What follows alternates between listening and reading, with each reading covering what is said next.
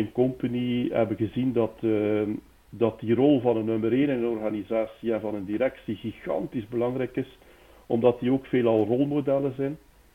En zo hebben we uh, ons, ons, ons huidige speerpunten hè, ontwikkeld, waarbij dat we enerzijds met uh, de top van een bedrijf aan de slag gaan en dan soms ook in een in-company formule inmasseren op um, met een kaderniveau en zo verder. Hè. Uh, maar toch altijd heel duidelijk met de focus op die nummer 1 en, en zijn directe reports. Ja.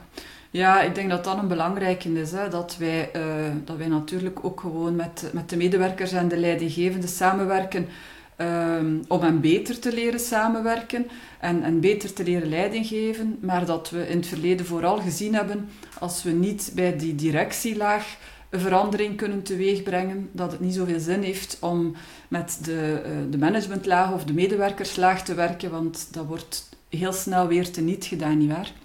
Ja, je slaagt er dan niet in om, om, om het nieuwe hè, te verankeren. Hè? Dan is het heel snel weer weg. Zoals zo'n ja. uh, klets in het water. Hè? Dan breng je van ja, alles in beweging en dan deint het uit.